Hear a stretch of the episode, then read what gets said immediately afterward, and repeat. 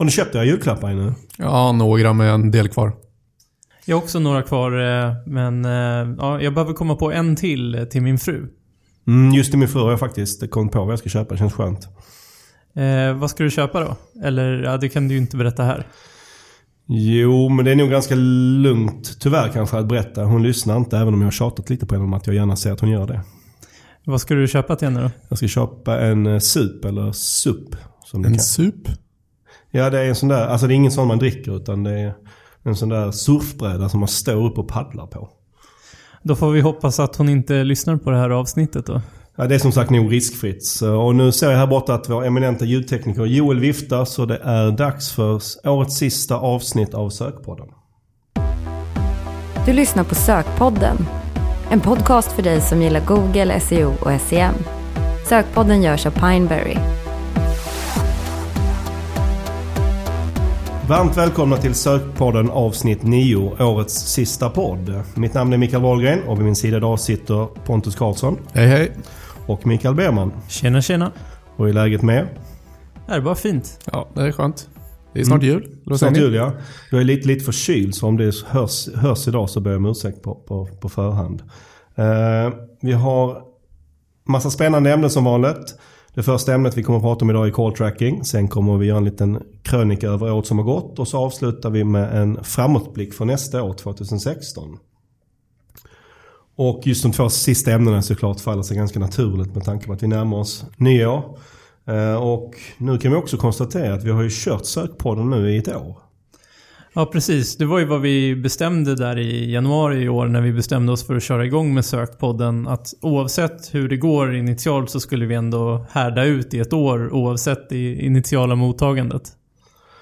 Och det har inte varit så mycket av härdande, eller hur? Nej, tvärtom. Det har ju varit fantastiskt roligt att göra den här sökpodden och ja, jag hoppas ni lyssnare tycker det har varit bra med. Ja, nej men det är absolut en av höjdpunkterna varje månad och det är ju jättekul att så många lyssnar och gillar det. Ja, precis. Och som vi har nämnt i tidigare tillfällen så är det runt tusen som lyssnar varje, varje avsnitt. Och det kanske inte vi riktigt ens hade vågat tro på, för det är ändå en ganska nischad podd vi gör. Eh, Men nu, vi sa ju att vi skulle ge det ett år. Nu har det gått ett år. Om vi nu utvärderar, kommer vi köra vidare 2016? Ja, självklart. Yes, det kommer bli en podd i månaden även nästa år. Vi har fått lite kanske propå om att vi skulle, kanske några som skulle vilja att vi gör podden lite oftare än en gång per månad. Men jag tror vi kommer nöja oss med en gång per månad. För att säkerställa att vi kan ha tillräckligt intressanta ämnen att prata om varje gång. Och på tal om ämnen så är det hög tid för dagens första ämne. Call tracking. Och eh, vad menar vi egentligen med call tracking när- när vi pratar om det i det här sammanhanget? Yes. Nej men det vi menar är ju framförallt samtalsspårning då. Call tracking innebär samtalsspårning. Att spåra telefonsamtalen till sin verksamhet för att mäta i vilken utsträckning trafik till din sajt väljer att ringa till dig som företag. Eh, och från vilka trafikkällor. Eh, ett exempel är ju om man vill mäta hur många av de som klickat på en AdWords-annons som väljer att ringa till dig när de väl kommer in på sajten. Eh, Det som är lite intressant med den här spårningstekniken är ju att den användes från början mycket i gula sidorna i USA. Då alla nummer i gula sidorna var spårningsnummer som var vidarekopplade och alltså inte riktiga nummer. Eh, för att visa på hur många som faktiskt ringt. Ja, när det gäller många av er som lyssnar som är e-handlare så kanske det inte är något perfekt fokus att använda just spårningsnummer för att telefonsamtal är inte vad ni vill åt. Ni vill åt liksom ren handel på er sajt. Men just när det gäller B2B eller alltså helt enkelt business to business så är det ju en extrem fördel att kunna se vilka som eh, varit inne på din sajt som eh, ringt helt enkelt för att som ett när någon ringer så är det oftast ett väldigt kvalitativt lead helt enkelt. Och om någon har då kommit via annonsering till din sajt och sen ringer till dig, då är det ju en väldigt potentiellt väldigt bra kund troligtvis. Ja, och det är inte bara B2B-företag som det här med samtal är viktigt. Det kan ju också vara tjänsteföretag. Ta exempelvis, jag vet vi har, vi har tandläkare. Där, de, de vill ju att man ska ringa in och boka sin tid. Och, eh, om, eh, om till exempel en tandläkare ska mäta vad sin annonsering på AdWords ger så bör man på något sätt ha koll på, på samtalen in. Antingen så genom call tracking eller så får man fråga varje person som ringer var, hur den har hittat dem som man kan, man kan göra. Precis, och tyvärr så är att fråga eh, sin kund eh, hur de har hittat eh, en, ens business ofta inte så tillförlitligt. Så det är lätt att glömma bort och fråga också. Mm. Ja, verkligen. Eh, hur funkar det här i praktiken? Jo, men det finns ett antal call tracking-företag som erbjuder call tracking-tjänster helt enkelt där man får en himla massa tillfälliga telefonnummer. Och det ger ju liksom tekniska lösningar att där man helt enkelt visar ett telefonnummer på din webbplats som sen då när någon ringer till dig så görs det en vidarekoppling av det här och, och till ditt vanliga nummer vilket gör att du kan tracka det här. Och det finns lite olika typer av lösningar. Antingen så har man en handfull nummer där man helt enkelt bara väljer vilken kanal det styrs eller så kan man ha en lösning som till exempel vi har där man har väldigt många nummer. Det är nästan ett nytt nummer varje gång någon går in på webbplatsen. Så ni kan ju själva testa det genom att gå in på pineberry.com via till exempel det organiska resultatet och sen så kommer ni se att telefonnumret byts ut där också. Och sen kan ni prova att stänga ner webbläsaren och öppna den igen så kommer ni se den här effekten då att det är ett nytt nummer varje gång för att vi ska kunna se helt enkelt vart det kommer ifrån. Och vilken statistik får vi ut från vår call tracking idag? Om vi tar oss själva som exempel. Vi kan exempelvis se hur många samtal som kommer från organisk trafik och hur många som kommer som ett resultat av AdWords-trafik. Eh, och när det gäller just AdWords så kan man ju även bryta ner det på sökordsnivå och se vilka sökord som genererar samtal, kostnaden per samtal och vilka som inte och vilka sökord som inte levererar också. Ja, och till exempel under november nu så hade vi då 51 samtal fördelat på eh, till exempel 18 då från direkttrafik, 16 från SEO och 12 från AdWords och sen var det 5 stycken samtal från övriga trafikkällor. Jo, anledningen till att det här är viktigt för oss som exempel då och viktigt för, många andra företag också är att vi har då två, kan man säga, huvudsakliga konverteringssätt för våra kunder. Eh, Och det ena är att man skickar in en offertförfrågan via sajten. Det är ganska lätt att mäta. Och det andra som vi, som vi ser som en lika viktig konverteringssätt är att man ringer in till oss. Det finns en hel del som inte vill skicka in en offertförfrågan. Man vill hellre tala med någon direkt. Man vill få någon form av svar direkt och någon feedback direkt. Ja, precis. Ehm, och innan vi körde call tracking så kunde vi bara mäta den ena formen av konverteringar i Analytics. Vi kunde ju bara mäta eh, offertförfrågningarna. Och fick då en, genom att även kunna mäta samtalen får vi en bättre bild över eh, hur lön, om vår annonsering på AdWords till exempel är lönsam och vad vi kan göra för att göra den ännu mer lönsam. Precis, så det vi gjort då är att räkna fram vad en kund är värd för oss. Och då vet vi ungefär hur många samtal som krävs för att få en kund. Och då kan vi även sätta ett värde på ett samtal. Ja, och det vi har lärt oss under åren här är att ett samtal eh, är ungefär lika, värt lika mycket för oss som en offertförfrågan. Det är lika sannolikt att det blir en affär i slutändan. Och sen vet, har vi också sett statistiskt att vi får ungefär lika många samtal som offertförfrågningar via AdWords till exempel. Och det betyder då att innan vi mätte, kunde mäta samtalen, så missade vi hälften av värdet när vi utvärderade på AdWords. För då mätte vi bara offertförfrågningar. Och det var ungefär lika många samtal till som vi då inte hade med i ekvationen. Ja, det var ju en väldig skillnad. Men vad är det förresten vi betalar för det här? Eh, Vi använder ju en, en tjänst som heter Freesby. Om jag inte är helt fel underrättad så är den en, eh, startat av svenskar i Uppsala. Eh, Vi betalar s- 39 euro per månad eh, för den här tjänsten. Och då ska man veta att det här är på deras gamla betalningsmodell. Där de eh, tog betalt lite utifrån hur många minuter samtalen varade som kom in via det här. Lite konstigt sätt att ta betalt på. Eller, ja, det kändes lite konstigt för mig i alla fall. Men eh, nu vet jag att de har ändrat sin modell. Och inför den här eh, podden så skulle gick in på deras sajt förra veckan och skulle försöka ta reda på eh, hur de tar betalt eh, i- eh, numera. Men de, de har inte sin, eh, heter det? De har inte sina priser på sajten längre. Så jag försökte ringa till dem. Eh, ringde två gånger förra veckan och då möttes jag faktiskt av ett meddelande att det var ingen som kunde svara. Och det här var under, vad heter det, kontorstid. Och det här säger jag inte för att på något sätt ehm, eh, hänga ut Frisbee även om det indirekt blir så. Utan det handlar mer om att om man vill att ens kunder ska ringa till en så är det ju såklart extremt viktigt att man svarar. Ja, verkligen. Fick du reda vad det kostade sen eller? Ja, uh, ja, ska vi säga. Uh, jag, uh, jag gav upp med ringandet jag mejlade istället. Och, och ni har ju sett mejlen faktiskt. För det var, jag hade lite svårt att få reda på vad det, vad det kostar. För efter tre, fyra mejl fram och tillbaka så blir jag inte fortfarande riktigt klok på hur de tar betalt. De tar betalt utifrån ganska många olika parametrar och de vill inte ge några exempel på några lägsta priser eller jag gav dem lite förslag på någon form av prisexempel. Men vi fick tyvärr inte fram någonting. Mm. Så är det någon som är intresserad av att använda just Freespace så tror jag att ni får försöka själv att få fram ett pris hos dem. Men jag kan väl också säga att det finns andra, och andra företag som, som erbjuder liknande eller liknande tjänster inom call tracking. Mm. Jag tänker på det du nämnde tidigare gällande missade samtal. Det var ju en sak som vi fick upp ögonen för när vi började med call tracking. Ja, precis. För att eh, då helt plötsligt fick man fram det i statistiken där. Och det var ju, du såg att vi missade alldeles för många samtal för att jag skulle vara nöjd i alla fall. uh, och uh, den statistiken kan du säkerligen på något sätt få fram genom din vanliga teleoperatör på något sätt. Men, men vi hade inte tittat på det innan. Uh, och det är ju såklart att, som jag nämnde innan, att, att om man vill att ens kunder ska ringa till en, då är det bra om man svarar.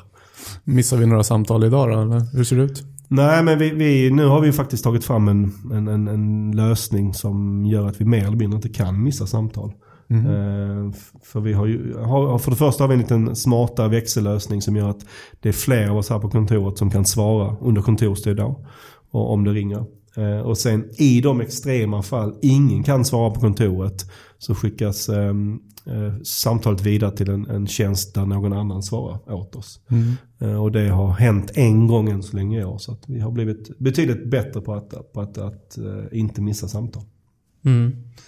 Så sen om man tycker att call tracking är för dyrt att betala för varje månad eh, så är ju en idé att använda en call tracking-tjänst bara ett kort tag för att få en bild av hur många samtal som genereras från de olika trafikkällorna. Och sen kanske använda den datan som någon form av riktmärke. Ja, det var väl en tanke för, från vårt håll från början också. Men sen blev det att vi fick så mycket data att vi fortsatte med det här. Ja, precis. Jag hade också en tanke att vi kanske inte behöver köra det. Men nu har nu kört i två år. Dels för att jag tycker priset är ja, det, det, det, det, kan vara värt att betala, i vart fall 39 euro per månad för att få lite statistik. Mm. ett annat alternativ är att använda Googles call tracking-lösning som ja, funnits tillgänglig i Sverige i drygt ett år nu. Och innan, innan dess kunde man ju mäta helt enkelt när någon klickar på en annons för att ringa, men idag kan man också implementera det på webbplatser. Um, men vad är nackdelarna med det här, Birman? Jo, men nackdelarna med lösningen i AdWords jämfört med till exempel Freesby är väl att den är, den är lite krångligare att implementera. Men den främsta nackdelen är väl att Googles lösning eh, mäter ju bara samtal från AdWords-trafik. Mm. Det man ska säga med den här är väl att den är ju gratis normalt sett också. Så det, det är bara att det fungerar bara på AdWords-trafiken helt enkelt. Mm. Ja, det är en stor fördel, fördel rent eh, prismässigt att den är gratis. Mm, verkligen. Så det finns ju liksom kanske ingen anledning att inte testa den här om, man, om, man är, om, om det är priset man, man tvekar på. Att det, I och med att det inte kostar någonting. Ja, precis. Ja, och anledningen till att vi fortsätter med FreeSpace istället för att köra Googles egen är såklart att vi vill mäta all trafik och inte bara AdWords-trafiken. Och till FreeSpace eh, fördel ska också säga att deras tekniska lösning, i alla fall när jag implementerade den, var väldigt, det var väldigt enkel. Eh, och beviset på det är väl att jag lyckades göra det själv utan någon form av eh, inblandning från en utvecklare eller någonting och det gick väldigt snabbt. Och få igång det. Mm. Är det någonting mer ni tycker man ska tänka på när man kör call tracking? Ja, men det är väl det att hantera hur man ska hantera varumärkessökningar för att ja, både när det gäller SEO och AdWords så förutsatt att du annonserar på ditt varumärke då så är det många som använder man ska säga Google som en form av telefonkatalog och helt enkelt det är så du hittar, hittar numren och när du söker efter ett företag eller företag för att hitta deras nummer så ja, då hamnar du i den situationen. Det ser man uh, inte minst på uh, det, eller den, det beteendet ser man inte minst på Nios uh, aktiekurs, eller hur? Ouch. ja, jag känner tvungen att få in den. ja, precis. Ja, men när någon behöver ringa till Pineberry och inte har numret så tillgängligt så är det ganska ofta att de googlar på Pineberry, till exempel vårt företagsnamn då, och tar sig in antingen via det organiska resultatet eller via AdWords då. Och sen ringer de då numret som finns på sajten och eftersom vi sa att det var en call tracking nummer så får vi med det i vår statistik då. Och dessa samtal är ju svårt att säga om... Eh, oftast är det ju kunder eller personer som redan känner till oss helt enkelt. Och det är inte samma värde med de här kunderna utan det svåra är att särskilja de här från den totala mängden statistik för att vi vill ju inte att de här ska ses som potentiella leads när vi bedömer vår, våra mättal utan det är något man bör tänka på och ha med sig när man, när man tittar på den här datan. Och fördelen är också på AdWords kan vi se på sökordsdata vilken, vilket sökord de kom från men eftersom Um, Google har tagit bort det här i Analytics för SEO-trafiken när de tog bort sökordsdatan så kan vi inte göra det där utan då kan vi bara kolla på målsidor helt enkelt. Mm. Ja, om inget annat så bör man i alla fall vara medveten om den här eh, effekten. Att den har en stor faktor även här. Mm. Med varumärkessökningarna. Hur man ska hantera dem. Efter att ha lyssnat på oss här i några minuter när vi pratar om call tracking så tror jag de flesta skulle tro och tycka att det verkar som vi gillar det. Eh, men samtidigt är vår uppfattning att, man, att intresset är ganska svalt för den här tjänsten om, om man pratar med våra kunder, om man pratar med folk i branschen. Nej men så är det. Eh, för en hel del eh, kunder så är ju samtal inte viktiga såklart. Som e-handel som vi tog som exempel innan. Eh, men sen så finns det ju en del som tycker att eh, call tracking lösningar för att kunna se alla trafikkällor kostar för mycket. Eller att man upplever det som krångligt att implementera på sin sajt. Eh, men den absolut vanligaste invändningen är ju att man är orolig för att inte ha ett fast nummer, alltså sitt, sitt egna telefonnummer. Ja, många upplever det som läskigt och som sagt var inte som du säger inte ha ett fast nummer utan dynamiska nummer för att man tänker på det här med hållbarheten att någon ska spara numret och sen så fungerar det inte någon vecka senare eller så vidare. Eh, men vårt, vår syn på det är att det är inte så många som skriver ner ett nummer idag utan jag menar Visst, du kan ha problematiken att någon skulle göra det i något nödfall för att de har ringt på det, men vi ser inte riktigt det problemet så därför har vi inte riktigt... Ja, när vi pratar med kunderna så ser vi inte helt enkelt varför det skulle vara ett problem idag. Nej, men precis som du nämnde innan Pontus, så, så det är, man googlar ju oftast när man ska ha tagit nummer. Man skriver inte ner det längre. Ja, precis. Mm. Nej, men absolut, och vi hade väl de funderingarna också kanske i början, men ja, det är ju inte så vanligt att man håller på och skriver ner nummer överhuvudtaget. Man googlar snarare varje gång. Och vi, vi kan konstatera att vi har inte haft några direkta problem med det här nu. Vi har kört i, i ett par år. De enda tillfällen, det är liksom lite halvlustigt, men när det har blivit fel med de dynamiska numren. Det är när vi själva egentligen har gått in och skrivit ner numret. Och då kanske inte på papper utan när vi har skrivit ner dem i vår mailsignatur eller i out of office-meddelanden när man ska på semester. Så, så har man skrivit ner vad man tror är vårt fasta växelnummer. Men det har det inte varit för det har varit ett dynamiskt nummer. ja, det var lite komiskt. Jag har lärt mig ett tips att man kan gå in på alla bolag nu för tiden och där hittar man det numret som faktiskt är vårt kontorsnummer. Ja, det är, så det är ett bra sätt att driva trafik till alla bolag om Precis. Och med det sätter vi punkt för call tracking och går vidare till nästa ämne för dagen som är en tillbakablick över sökår 2015 och även en liten tillbakablick över vad vi pratat om här i sökpodden. Eh, om vi börjar lite generellt, vad säger ni om sökåret 2015? Eh, kort sagt, mycket förhoppningar, lite händelser måste jag säga. Ja, men det har ju varit väldigt mycket hype men det har ju egentligen inte hänt så jättemycket. Mm. Och nu tänker jag att vi ändå ska ta upp några av de sakerna som har hänt och eh, Eh, dela upp det lite i, i SEO, AdWords och övriga saker om Google. Och vi börjar lite med, med lite SEO-grejer där. Första kategorin här som vi utnämner är årets händelse. Ja, det måste väl vara Mobilegeddon, eller vad säger ni? Ja, precis. Inte så mycket för att det var en uppdatering som som sagt förändrade så mycket utan snarare tvärtom. Det var ju en uppdatering med en med en aldrig tidigare skådad hype. Eh, den 21 april så skulle det mobila sökresultatet förändras för alltid. Och eh, ja, det berättades i alla fall på primetime på CNN. Ja, det, och det är ju sällan eh, det vi sysslar med SEO får den typen av uppmärksamhet. Men det, och det var ingen tvekan om att Googles PR-maskineri var på, på högvarv inför Mobile Geddon. Um, och sen själva namnet Mobile Geddon gjorde nog sin sak till att det blev så hypat. Jag vet fortfarande inte vem som kom på det. Men det är väldigt, väldigt bra namn i alla fall för, för en uppdatering. Um, och ska jag vara helt ärlig så trodde jag nog att vi skulle i alla fall se någon form av tydlig effekt av den här förändringen. Men det blev det ju inte alls. Nej, det blev nästan ingen effekt alls till slut. Till en början såg vi vissa effekter, men som alltid när Google skruvar på någonting så ser man lite effekt först och sen dör det av lite. Så ja, det är frågan om det ska vara årets händelse eller vinna utnämningen som året, årets icke-händelse. Men mycket uppmärksamhet fick det i alla fall. Ja, absolut. Nästa kategori här eh, är årets brutna löfte och vem går det till?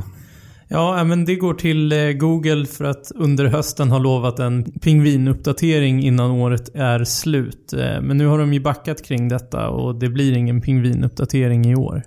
Ja, jag tycker synd om de som har varit fast i pingvinen i mer än ett år nu och inte får chans att komma ut ur filtret innan nyår. Så ja, det måste vara ett ganska långt straff tycker jag i alla fall. Eller vad säger ni? Jo, det är att de uppdaterar så sällan tycker jag också. Det är inte riktigt rimligt eh, kan jag tycka heller. Eh, Och som jag tolkar det de har sagt kring eh, just de här uppdateringarna, varför de skjuter upp det, är att de inte riktigt får till den nya pingvinen tekniskt sett. Och, ja, då på ett sätt kan jag väl förstå att de skjuter upp den, men, men eh, det är ändå tråkigt för de som, som, som sitter i filtret. Eh, Och det som det pratas om och som många hoppas nu är att när uppdateringen väl kommer, att, att pingvinen ska bli en del av algoritmen eller i alla fall att den uppdateras i realtid. Eh, Så att man inte behöver vänta ett år på varje uppdatering. Precis. Eh, nästa grej vi tänkte förära här är årets förtydligande. Ja, Google kom ju nu i, höst ut med ett, eller egentligen två intressanta förtydliganden kring eh, länkar som vi pratat om här i podden. Och eh, dels då att det inte kostar någon länkkraft när du länkar ut med nofollow. Och dels att det inte är något positivt att länka ut till trovärdiga källor. Mm. Och det senare trodde vi här inte riktigt på innan heller. Men det första var ju lite nytt för oss det här med nofollow. Och jag tycker själv att det skulle vara väldigt spännande om någon, säg en riktigt, riktigt stor svensk sajt skulle testa det här genom att kanske sätta nofollow på en stor del av sina interna länkar som leder till sidor som inte är så viktiga sökmässigt. Eh, Och se vilken effekt det ger rankingmässigt. Ja, verkligen. Och frågan är om den länkkraften då teoretiskt eh, skulle sparas och spridas ut på de sidorna som man vill ska ranka. Det är ju det som blir, kan bli fenomenet av det här. Det är väldigt intressant att titta på. Spännande att se om någon testar det. Nästa sak här som vi ska utse det är årets hjärna. Ja, precis. Det måste ju såklart vara RankBrain. Eh, Googles nya artificiella intelligens för att ranka sökresultat. Ja, att Google använder AI var väl ingen direkt nyhet i sig, men det var ändå lite överraskande. Alltså, när Google kom ut och sa att det var den tredje viktigaste rankingsignalen, då fick jag mer upp ögonen för att det var någonting som var väldigt fascinerande måste jag säga. Ja, precis. Det var ju, de brukar ju inte berätta den typ av grejer och att det var den tredje också var ju nog något som förvånade ganska många. Ja, verkligen. Och en eh, julklapp jag skulle önska mig från Google är det om de berättar vilket som var signal 1 eller 1 och 2. Nu tror jag att vi här har en väldigt bra bild, eller vi tror oss veta i alla fall vilket som, som är signal 1 och 2. Det har vi pratat om på den tidigare. Men det skulle vara ganska kul om Google själva ville eh, kunna berätta det. Ja, officiell information är alltid intressant. Ehm, Ehm, nästa sak eh, vi ska utse här är, är årets SEO-problem. Ja, tidigare har det varit väldigt mycket algoritmförändringar som har, ja, helt enkelt pandan eller pingvinen eller liknande uppdateringar som har påverkat SEO väldigt mycket. Men i år skulle jag säga att det är hackade sajter som har varit det största SEO-problemet och något som vi stöter på väldigt ofta. Jo, men det, det händer ju minst en gång i månaden att någon av våra kunder eller potentiella kunder blir hackade. Eh, och det innebär ju en stor risk att det ska drabba deras SEO. Ja, som tur är det så är det inte så ofta, eller så upptäcker vi det ganska tidigt ganska ofta, vilket gör att gör man de här åtgärderna så blir det ingen större påverkan på SEO. Men ja, det skulle ju kunna ha det teoretiskt om man inte upptäcker det. Mm, precis. Och det är ingen slump såklart att Google släppte en, en uppdatering kring just hackade sajter under året. Det här är ju ett växande problem, inte bara för oss utan för Google såklart. Årets mobiltrend. Yes, eh, den mobila trenden, ja, den har ju hållit på ett par år. Eh, men det vi sett i år i sökresultaten är ju att appar tar mer och mer plats och att det är ett större fokusområde för Google. Ja, de har pratat om mobilen väldigt länge och nu börjar de prata väldigt mycket om mobilappar och appindexering. Och det är en tydlig trend som Google försöker fånga appbeteendet och försöka integrera det i sökresultatet på ett bra sätt helt enkelt. Sen kommer vi till årets oklarhet. Ja, det måste väl vara pandan helt enkelt för att ja, Google säger själva att den har körts men, och att den körs löpande men vi ser extremt lite resultat och vi är väldigt tveksamma till om den verkligen körts för att ja, det brukar ändå synas ganska tydligt i många fall. Så eventuellt kan det vara så att 2015 går till historien som ett panda och pingvinfritt år helt enkelt. I alla fall till utseendet, sen kanske de har kört något litet bakgrund. Ja. Och då eh, går vi vidare till årets skägg. Ja, nej men eh, årets skägg, eh, det måste väl ändå gå till Matt Cutts som eh, dök upp som eh, gubben i lådan häromveckan med skägg. Saknar ni honom förresten? Ja, det hände i alla fall lite mer på Cats-tiden än med det här nya Muller. Vi får väl hoppas att det kan bli lite action snart. Ja, vi får se om han återkommer i någon form. Jag, om man ser på han, det, det lilla han är ute och pratar sen han, sen, sen han eh, tog sin paus så, så är jag väl tveksam om han kommer återvända. Han verkar njuta för mycket av det, det livet han lever nu istället verkar det som. Precis. Och eh, året, om vi ska avsluta eh, SEO-delen av vår krönika här med årets branschproblem. Ja, det måste väl säga den här förändringen som Google gjorde för inte allt för länge sedan nu. Att man inte kan välja vilken position man befinner sig på helt enkelt. Man kan inte säga om man befinner sig i Stockholm eller Malmö när man ska kolla på sökresultatet. Och det här blir ju en väldig påverkan eftersom Google gör sökresultaten mer och mer lokala. Så vi kan helt enkelt inte se vilken, eh, vilken ort, om man inte har en IP på den här orten, som man befinner sig på. Ja, det är väldigt tydligt att Google inte bryr sig om oss som eh, jobbar med SEO. Men eh, skämt åsido så förstår jag egentligen förändringen. För, för, för den vanliga användaren behövs inte det här. Utan det är bara vi som håller på att jobba, jobba med SEO som är inne och ändrar ort hela tiden. Så jag kan ändå förstå varför de har plockat bort den. Ja, nej men det, det är lite jobbigt för oss. Verkligen. Och då eh, vänder vi lite blad här och går över till eh, AdWords. Eh, eh, och ser vad som har hänt där under 2015. Om vi, om vi börjar med årets produktnyhet. Ja, men eh, det får väl vara Gmail Ads eller eh, GSP, Gmail Sponsored Promotion, som det hette tidigare. Eh, Gmail Ads har ju funnits länge i beta egentligen, men det var först i år som det släpptes officiellt i Sverige. Kan vi konstatera nu att det har varit en succéprodukt? Ja, alltså vi har några kunder där resultaten varit riktigt bra, men det är inte en produkt som passar alla. Så är det. Och om vi tittar på årets förändring inom AdWords. Ja, men det är helt klart när Google valde att flytta in både YouTube och Gmail Ads i det vanliga interfacet helt enkelt, där man jobbar med sökkampanjerna.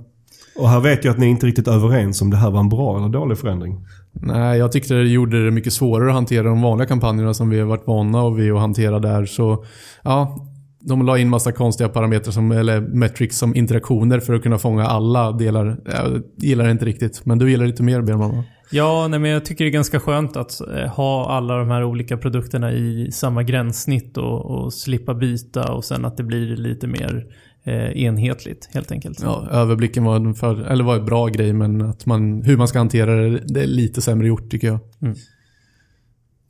Och årets funktion. Yes, det priset får gå till eh, Customer Match som eh, Google lanserade i höst. Eh, customer Match innebär att du kan ladda upp e-mail-listor på exempelvis dina kunder. Och så kan du annonsera mot just dessa i Google Googles söknätverk, på YouTube och med Gmail Ads. Förutsatt att de är inloggade på Google, vilket ju många är. Ja, och det här är en viktig fortsättning på det här med lifetime value. Om man har fått en kund så vill man fortsätta bearbeta den. Och det här kommer ju liksom, det är Googles kontring på Facebook helt enkelt som har haft en motsvarande funktion ett, ett bra tag. Och den har fått mycket uppmärksamhet där, så det är väl, det är väl kanske ett rimligt test. Det här är en ganska ny grej men har vi hunnit testa den nu? Eh, Vi har inte riktigt hunnit testa det än, men eh, vi har några kunder som är i startgroparna, så vi får återkomma till eh, hur vi tycker att det funkar. Det är en bra puck för 2016 helt enkelt. Mm. Och sen har vi eh, årets test här. Precis. Årets test, det är väl Googles experiment med betalda lokala annonser som vi har pratat om tidigare här i podden. Ja, vi får väl se om de under 2016, om Google gör om det lokala resultatet från, till att vara organiskt till betalt. Det kommer ju vara en jättestor förändring om de gör det. Eh, och om det nu är möjligt att de gör ett, för det här testet var ju väldigt intressant, men om möjligt så gör, håller de på med kanske ett ännu mer intressant test just nu. Ja, tydligen så testar Google fyra betalda annonser istället för tre och jag har inte sett det själv än i Sverige så är det någon som har sett det i Sverige får ni gärna höra av er. Eh, Men vi har sett exempel från både USA och Norge till exempel så ja, tydligt ett test på vad de kan få ut mer av det. Fyra annonser säger du. Var går gränsen för hur många Google kan ha innan användaren tycker att ah, vad är det här? Det är ingen sökmotor längre, det är bara annonser. Ja, många skulle nog säga att gränsen är var vid tre och ja, kanske till och med ännu tidigare när de börjar ta in fler och fler funktioner. Men det är Googles ansvar mot sina aktieägare att utmana och testa gränsen hela tiden. Och det vet vi ju, Google testar mycket saker hela tiden. Så vi får se om de lägger in fyra eller om de kommer hålla kvar vid tre. Ja, jag läste en, en, eh, en skämtsam skriven kommentar om det här men som jag tyckte ändå var väldigt eh, träffsäker och som sa ganska mycket om det. Eh, som kommentar på den här nyheten att det finns, Google testar fyra annonser. Och det var i stil med så, va? Läser du första sidan på Google? Det är ju bara för annonser. och så är det ju, det har vi pratat om tidigare. På vissa sökningar så är en väldigt stor del av, av första sidan annonser. Mm. Och eh, en intressant parallell till det här tycker jag att när, när, när jag föreläser om Google och man berättar om Googles historia. Så brukar jag försöka jämföra med hur det var, varför Google slog igenom så mycket och hur det var på innan Google. Hur det var på Altavistas tid till exempel. Att då behövde man um, kanske gå till sidan 2, 3, 4 för att hitta ett vettigt resultat. Och när Google kom in så behövde man inte det längre. Nej. Och det var därför de tog marknaden med storm. Mm. Och nu kanske det är så att Google håller på att göra samma sak igen. Att, att, folk, att de, håller, de håller på att skapa ett beteende där, där folk går till sidan 2 och 3. För att det är så mycket annonser på sida 1. Vi får väl se om det är den vägen vi håller på att gå. Ja, det blir intressant att följa den statistiken. Årets lyft, vem har fått det? Ja, men det måste vi säga att eh, Google Shopping har fått. Eh, framförallt genom mer utrymme i mobilen. Vi ser väldigt mycket mer shopping i mobilen nu för tiden. Och att det finns eh, shoppingannonser för fler vertikaler nu. Ja, vi tog till exempel, vi pratade om ett exempel tidigare där det i tjänstesektorer som vi ser som tjänstesökningar där det till och med kommer upp sökningar nu. Liksom. Så, ja, det är intressant hur de verkligen försöker trycka igenom Google Shopping. Då lämnar vi AdWords och avslutar, eh, ska avsluta här vår genomgång av sökår 2015 med några all, lite mer allmänna saker som har hänt kring just Google. Och då kommer vi till kategorin Årets domän. Precis, Årets domän. Ja, det blir väl eh, abc.xyz som eh, vinner den kategorin i utklassningsstil. Ja, Google gjorde under året en, en, en, extremt stor strukturell förändring i sin organisation kan man säga. Moderbolag som bland annat ledde till följden att moderbolaget bytte, bytte namn. Från Google till Alphabet. Har vi märkt någon skillnad i hur Google, eller vi kanske egentligen ska säga Alphabet då, agerar efter den här förändringen? Nej, inte direkt ännu och det är nog väldigt tidigt för att se några förändringar. Men vi får se vad som händer här framöver i praktiken helt enkelt. Mm. Och sen eh, skulle vi vilja avsluta här med att utse årets spam. Ja, det måste vi väl säga är spökspammet som vi pratat om i tidigare sökpoddavsnitt. Eh, helt enkelt spamtrafiken som inte ens varit inne på din sajt. Som syns i nästan alla Analytics-konton som man tittar på just nu och det svämmar över. Även om Google har försökt lösa det lite grann så har de inte riktigt hittat hela vägen hem. Precis, och även om det finns olika filter för att få bukt med det här så är det verkligen ett problem som Google borde se till att fixa eh, ordentligt. Då lämnar vi sökordet med just det, sökord 2015, eh, med en önskan till Google att fixa spökspammet. Tack. Och då går vi över till dagens eh, sista punkt. Och det är en liten, istället för en tillbakablick på 2015 ska vi titta lite framåt. Hur ser vi på 2016? Ja, här vill jag liksom börja med att säga att ja, det vi säger är mer eller mindre rena spekulationer och egentligen tycker vi att man ska titta på nuvarande situation men det är alltid roligt att spekulera vad vi, vad vi tror här framöver. Ja, men precis. Vår syn på sök är ju att jobba framförallt utifrån hur saker och ting är idag och inte hur de eventuellt blir imorgon. Eh, vi lever i nuet här helt enkelt. Precis, precis. Och för att undvika att spekulera på allting vi, vi, vi, pratar om nu så kollade jag faktiskt, försökte få fram lite fakta med våra kontakter på Google. Om vi kunde få fram någon information om vad som skulle hända nästa år.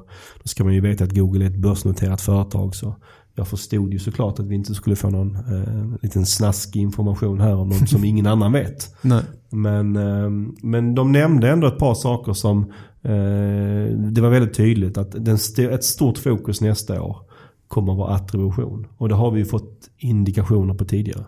Ja, när jag och Berman då var i Mountain View i höstas då så pratar de ju väldigt mycket om att de ska lansera en ny form av attribution under 2016 i Google Analytics. Och det här är väl ett steg till för att täcka upp för det vi pratade om tidigare, både gällande mobiler och cross-device och mellan olika typer av trafikkällor helt enkelt. Och det är inte så svårt att förstå varför Google tycker det är så viktigt att ha det som ett huvudfokus då för nästa år. För att om man jämför med exempelvis hur Facebook gör sin attribution eh, så eh, har, gör Google idag, eller Analytics idag, en, en betydligt mer konservativ bedömning. Vilket gör när man utvärderar de två annonseringsalternativen så, så ser ju AdWords inte lika attraktivt ut som om man skulle använda Facebooks attributionsmodell. Nej, verkligen inte. Nej, det kommer bli väldigt spännande att se hur Google ska lösa det här med attribution för att det är ju inte en enkel nöt att knäcka och det är ju en stor skillnad i hur konservativa de är mot Facebook. Ja, du, på tal om det, att det är en svår nöt så visade du en, en, eh, skickade med oss en artikel igår från Marketingland. Som, där, där tesen i den artikeln var att, att, att det egentligen inte går att lösa attributionen så att du får fram ett korrekt, exakt rätt svar. Och det, det stämmer väldigt väl överens med hur jag ser på det. Och det upplever jag också en liten frustration ibland när man pratar med kunder. För de vill gärna ha fram ett exakt rätt svar. Exakt hur mycket har den här kanalen gett? Med, om vi nu ser på det enligt en viss attributionsmodell. Och det finns ju inte riktigt det exakta svaret. Nej, återigen så ska man ju tänka på att det här är analysverktyg. Det är, ingen, det är inget CRM-verktyg och det går inte att få det exakt. Men eh, genom att använda en bra attributionsmodell så kan man ändå komma väldigt mycket närmare sanningen. Och det är ju vad vi jobbar för, att komma så nära sanningen som möjligt. Mm. Och det får man nog nöja sig med att man kommer hyfsat nära sanningen och inte hitta den exakta sanningen. Och vad tror vi då om Googles uppdatering under 2016? Ser vi någon motsvarighet till pandan eller pingvinen framför oss? De två senaste åren har Googles uppdateringar mer handlat om säkerhetsaspekter som HTTPS eller hackade sajter och tekniska saker som mobilvänlighet, appar, RankBrain. Och jag förutsätter att den linjen kommer fortsätta snarare under 2016. Men som vi pratade om tidigare hoppas vi väl på en uppdatering av pingvinen som kanske kan vara en intressant. Men annars tror vi inte det kommer vara några revolutionerande algoritmer kring innehåll och länkar under 2016 helt enkelt. Är det någonting som vi tror får mer vikt 2016? Ja, alltså som vi har pratat om tidigare också så är ju Google kommer gå mer och mer mot lokala. De vill få lokala resultat som är anpassade. Och där är ju den här huruvida kartresultaten kommer bli en större och större del en fråga eller om de kommer försöka göra de vanliga resultaten mer och mer lokala. Sen får vi se. Det kanske är så att de eh, organiska resultaten blir betalda i form av de här kartresultaten. Men det är svårt att säga. Ja, precis. Och på tal om det så vad vi nämnde om testet med fyra annonser så är det ju ingen jättevågad gissning att vi kommer få se en ännu större del av sökresultatet som är vikt åt annonser under 2016. Ja, och sen är det en intressant vinkel till är ju hur mycket Google har satsat på det här med Google Shopping och det finns ju något som kallas slash shopping eller google.com slash shopping som är lanserat i USA där det är en prisjämförelsesajt rent av. Och de har ju använt det här annonsverktyget för att samla in all data och jag tror de kommer försöka kapitalisera på det här nu framöver och besitta den datan som de har och verkligen lyfta fram den. Vad händer med prisjakt och price då tror du? Ja, jag tror de kommer få det lite tuffare, men de är så pass etablerade i Sverige idag och de, står, de har en väldigt stor andel direkttrafik. Så jag tror de kommer klara sig bra, men Google kommer bli en kraftig utmanare till dem. Absolut. Precis, och en sak som Google själva pratar om en hel del är ju annonsering i Google Play. Eh, det finns ju redan till viss del, men det känns som att det borde kunna bli betydligt större även om det sannolikt bara blir relevant för de som har appar. Jo, men appbeteendet ökar ju hela tiden, så, som vi sa innan, så det kommer nog bli intressant. Och är det något mer som vi ska se fram emot 2016 tycker ni? Jo, men det, det, är en liten sak eh, som jag ser fram emot. Det är ju att Bing äntligen under 2016 lovat att lansera Bing Ads Editor för Mac. Och det är många här på kontoret som kommer tycka att det blir skönt att slippa byta dator när vi jobbar med Bing. Ja, vi har en liten dator som kallas Mr Bing som är en PC som står i, står i ett skåp. Så det är rätt roligt att bli av med honom. Så kanske. han får kanske gå i pension nu. Ja, det kanske. Välförtjänt. Ja, jag ser också fram emot en fortsatt tillväxt i sökbranschen. För det är väl något vi satsar på. Ja absolut och det var ju en artikel i Dagens Media som förra veckan tror jag det var som visar egentligen faktiskt på motsatsen att sök minskat i november enligt mediebyråbarometern. Men som man mycket riktigt kom fram till i den analysen så var det ju inte att sök hade minskat utan det var ju snarare så att det var mediebyråernas andel av söket som hade minskat, eller hur?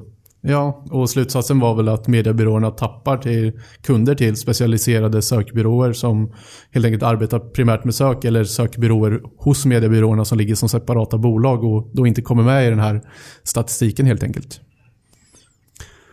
Vad bra. Så vi ser fram emot ett, ännu ett år av tillväxt och spännande saker inom vår bransch. Trevligt. Eh, med det avslutar vi vårt siande om 2016 och det börjar bli dags att avrunda årets sista sökpodden. Eh, men innan vi gör det så vill vi som alltid att eh, uppmana er att höra av er och berätta vad ni tyckte om avsnittet. Har ni erfarenhet av call tracking? Vad tror ni om 2016? Vi finns på Twitter, at so- sokmotorkonsult eller mejla till sokpodden.pineberry.com. Eh, tusen tack för att ni har lyssnat, både på det, dagens avsnitt och under hela året. Att ni lyssnar och all den feedback ni ger oss gör att vi är väldigt peppade att fortsätta med Sökpodden nästa år. Det återstår det bara för oss att önska god jul och gott nytt år. Tack och hej! Ha det bra. Herro!